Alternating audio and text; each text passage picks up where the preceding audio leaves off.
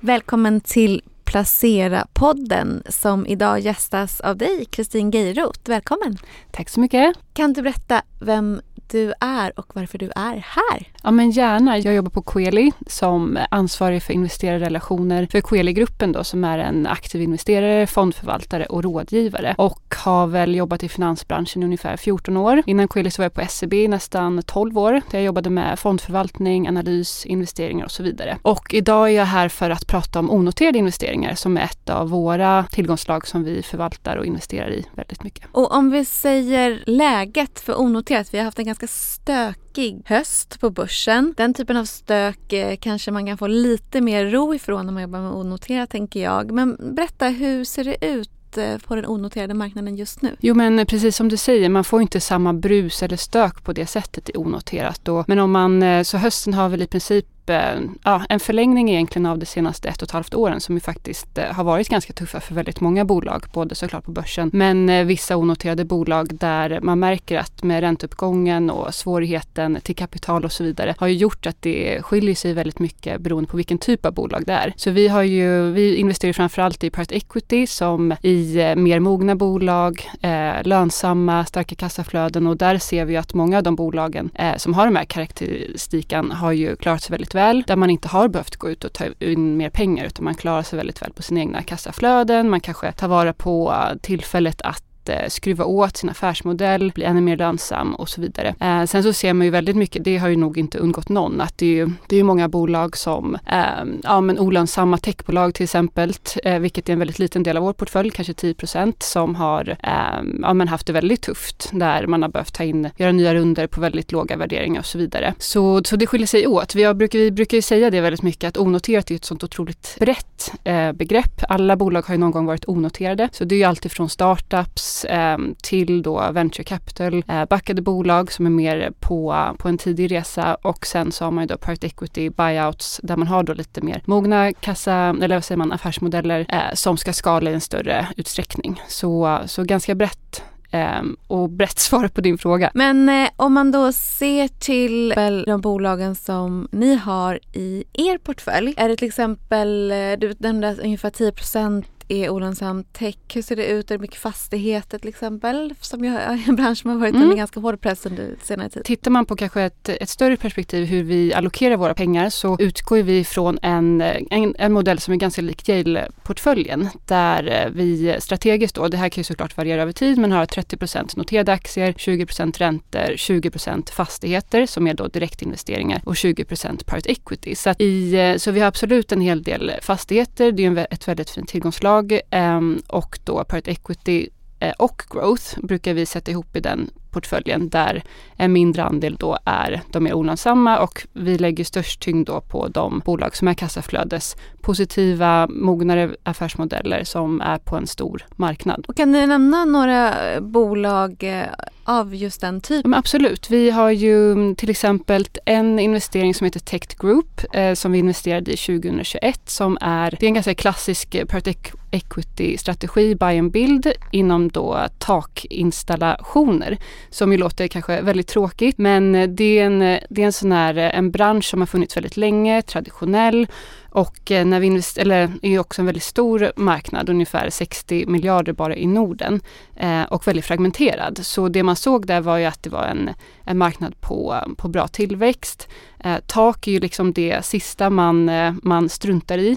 Eh, och om man vill titta på en intressant siffra så byggdes det ungefär 2 miljoner lägenheter mellan 1960 och 1990. Och alla som har renoverat eller byggt ett hus vet ju att efter ungefär 50 år så måste man byta sitt tak. Så det här är ju bara lägenheter, så det betyder att väldigt många av de här måste renoveras. Så det var ju en trend vi såg väldigt starkt och här har vi då investerat i ett team då, Aspira Partners, som är har lång erfarenhet inom private equity och är vana vid att göra de här konsolideringsresorna. Eh, så det är en väldigt klassisk sån, eh, sån modell. I eh, 2021 då så investerade vi själva, vi investerar alltid eget kapital i våra investeringar och eh, bolaget tog in ungefär 200 miljoner och har idag då byggt en grupp med eh, en omsättning på ungefär 1,3 miljarder och som gör ungefär 200 miljoner i vinst. Eh, så det är en typisk sån ganska okonjunkturkänslig investeringslag som vi gillar. Och samma grupp då, eller samma team har, eh, har gjort Qflow Group, ett ganska likt namn, som då är inom teknikkonsulttjänster också. Och konsulter kan ju låta som ganska konjunkturkänsligt, men de här är ju inom en bransch som är eh, väldigt mycket infrastruktur, hållbarhet, man rustar upp eh, på många olika sätt. Eh, geomanagement, eh, också så lite tråkigt ord, pro projektledning och brandskydd och så vidare. Som också är en stor marknad, nästan 100 miljarder och som växer och har fina marginaler. Så det är väl den, den klassiska typen som, som är en, två bolag i vår portfölj. Och hur är det då när ni går in? Du sa att ni gick in 2021, eller hur? Mm. Har ni någon form av exitplan då eller hur ser det ut? Vi, vi investerar ju oftast på, på 3 till 5 års sikt. Det är våran horisont. Vi tycker att två år är lite för lite för att skapa stora värden och eh, 8-10 år som många P-fonder har tycker vi är, är, lite för, för långt. Så att eh, i en sån, eh, när man går in i 2021 då är, finns det ju en väldigt tydlig plan. Så eh, Coeli är ju stor ägare och då har man tillsammans med det här eh, investeringsteamet eh, satt en väldigt tydlig strategi hur man ska göra då första året, andra året, tredje året och så vidare. Så just eh, Tate Group och Qflow är ju väl, på väldigt god väg och över sina, eh, sina planer. Och det tror jag har varit lite att göra med den här, eh, det senaste årets marknad också. För att det är väldigt många, även om det har varit väldigt bra bolag, som har velat ta del av en större grupp där man kan eh, skapa värden tillsammans, göra synergier och så vidare. Så, så hela idén med en sån här konsolideringsresa, det är ju att skapa värden, eh, dels såklart genom eh, organisk tillväxt, att det är en marknad som växer och att bolagen kan öka sin omsättning under lönsamhet, men också då att göra selektiva förvärv som gör att, Eh, att gruppen tillsammans blir starkare, man kan dra nytta av eh, synergieffekter såsom lägre inköpskostnader och så vidare. Så, mm, så du frågade om exitplanen, då, då är det såklart en del av den eh, kartläggningen och den affärsplanen. Sen är vi måna om att den här typen av bolag ska kunna, det ska inte vara en nödvändighet att det måste bli en exit efter 3 till 5 år utan det som är så fint är att de har tagit in pengar en gång eh, och så vuxit till att bli så här stora i gruppen på, på kassaflödet. Så det är en väldigt hög kassakonvertering eh, och har ökat då eh, ungefär 220 procent sen start.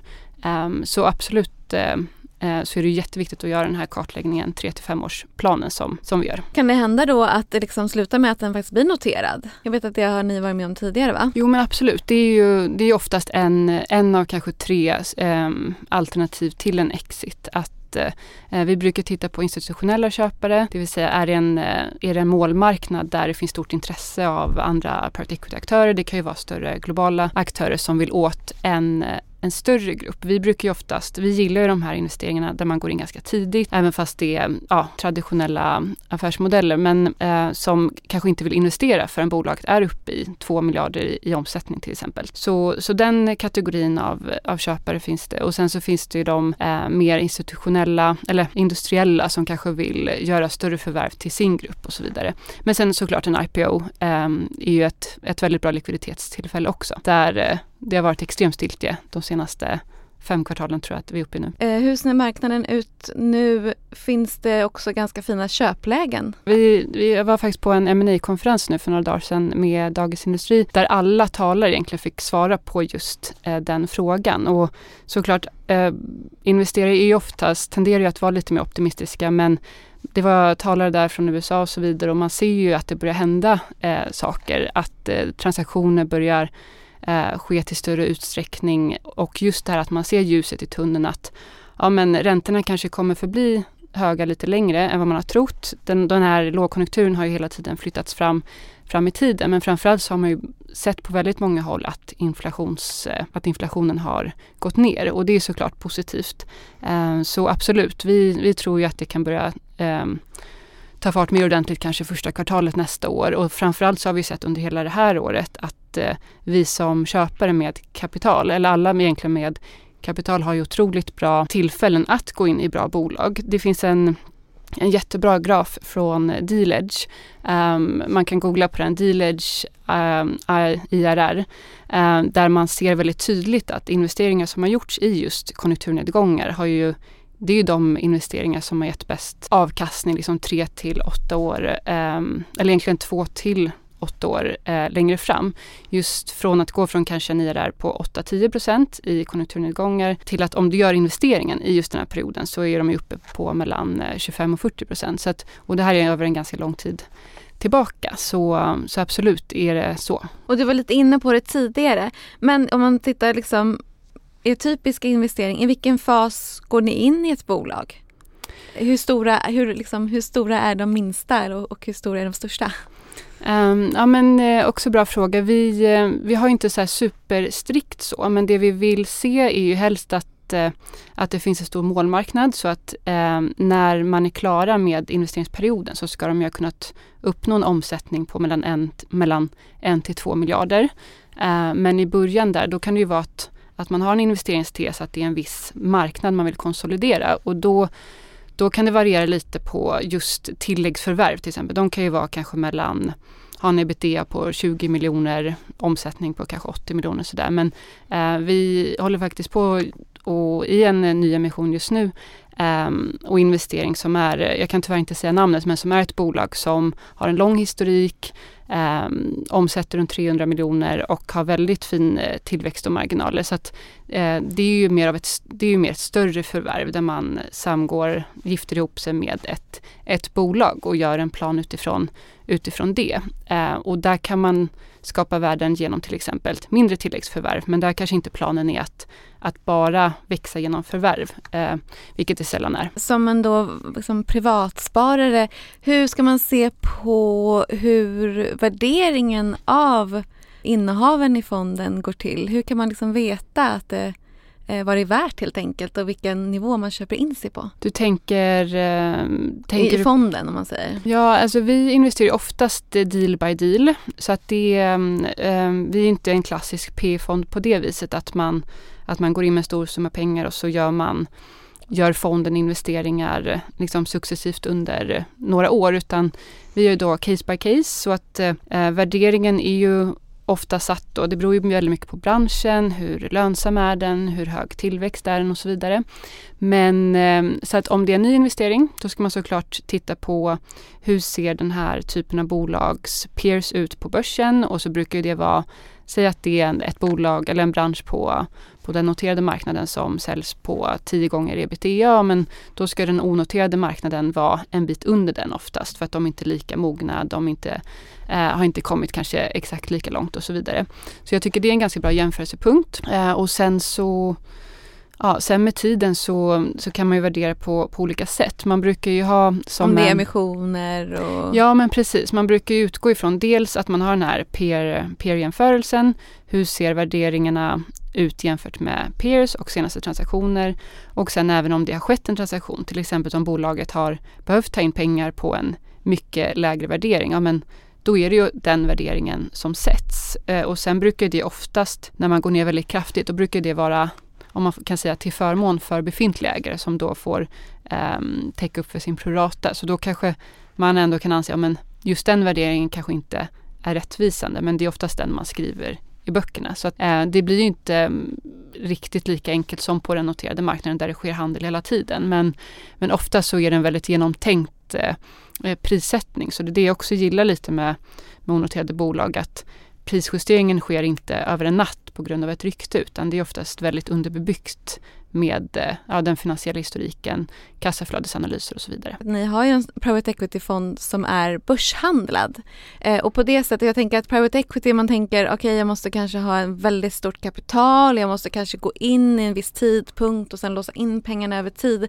Hur funkar det? Kan man, då betyder det att man kan investera den som en vanlig ETF eller hur, hur är det? Ja men eh, Coeli Private Equity AB, den, eh, den går ju faktiskt att handla som en vanlig aktie så att där behöver du inte ha den här minimiinvesteringen på kanske en miljon som det ofta är. Och det är också en del av våran våran eh, vad säger man, vision eller ambition på, som aktör på marknaden att kunna göra sådana här investeringar mer tillgängliga för alla. För att historiskt så har det mest varit institutioner och personer med väldigt stort kapital som har kunnat investera i dem.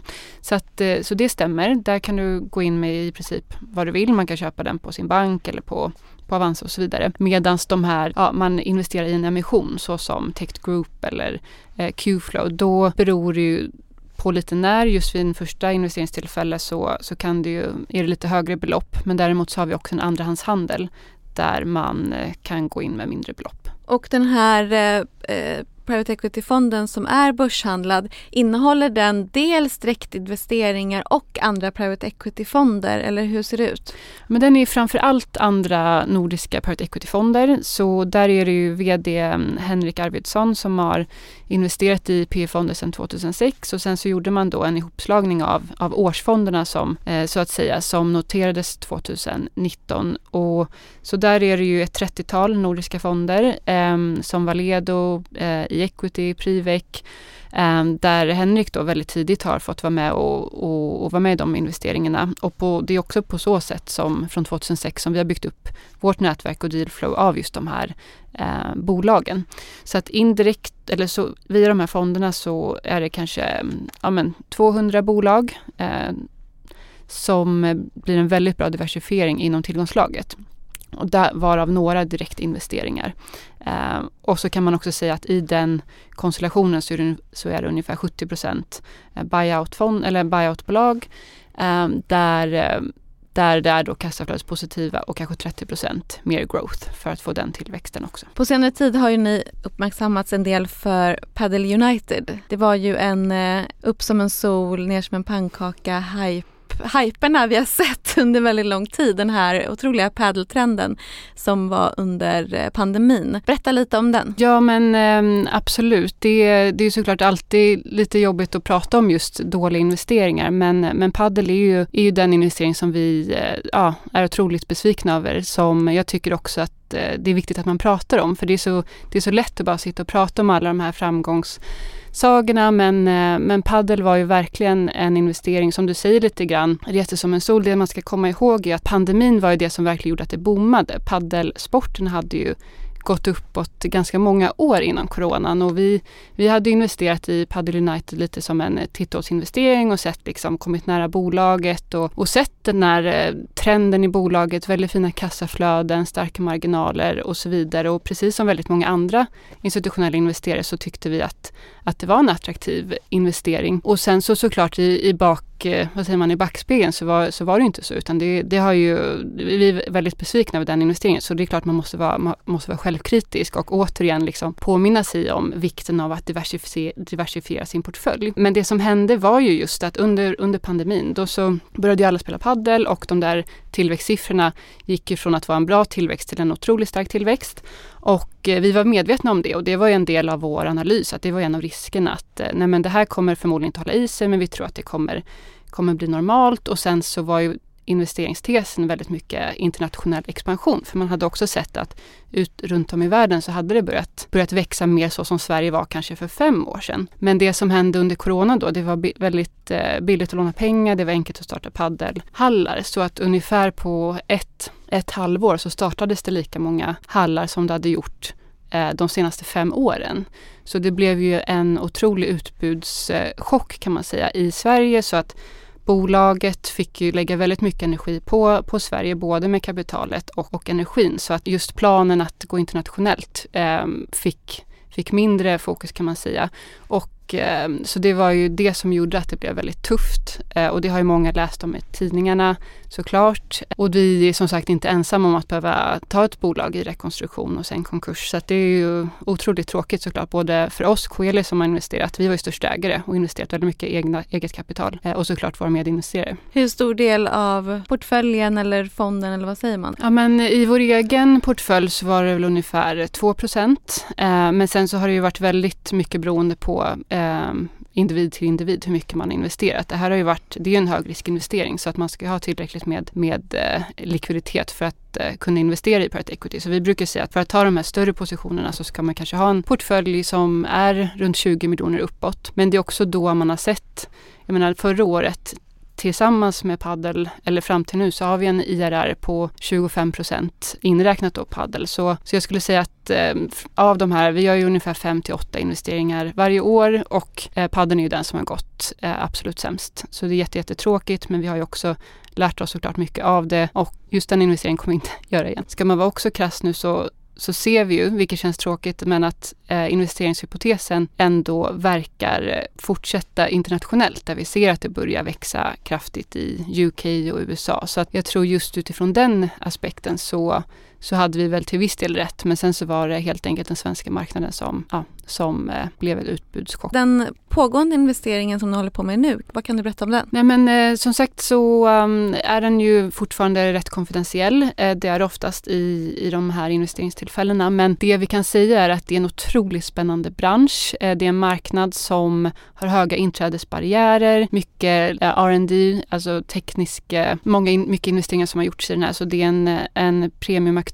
som, ehm, som är på en eh, växande marknad. Det, det är ett väldigt intressant case som har kommit just från de här, från vårt stora nätverk egentligen av att just eh, sourca bolag och team. Och det vi har sett är att det här är ett bolag, de behöver egentligen inga, ingen ny investerare. Det är många private equity-aktörer som, som har nosat på den tidigare. Men så den är ju aktuell och det är ingenting vi tyvärr kan gå ut brett med. Men man kan ju, det är ju till våra kunder som får ta del av den. Så att vill, är man nyfiken kan man alltid slå en signal och skriva på NDA så kan man ta del av den möjligheten. Om man ska ta med sig någonting från det här avsnittet, vad tycker du då, då just om onoterat? jag tycker ni ska, man ska titta på den här grafen, Deal Edge, eh, söka på IRR, Internal Rate of Return, vilket alltså är den årliga avkastningen eh, inom private equity. För där ser man ju verkligen, vi, inom finans är det ju väldigt mycket de här känslorna som styr vad som kommer att avgöra din avkastning på sikt. Och risken blir att man väntar för länge, för det, det vet vi också, när, när det väl börjar gå uppåt så brukar det gå uppåt väldigt snabbt. Och fördelen med just eh, private equity är ju att eh, man kommer närmare bolagen, man ser det tidigare och jag skulle ändå säga att det är det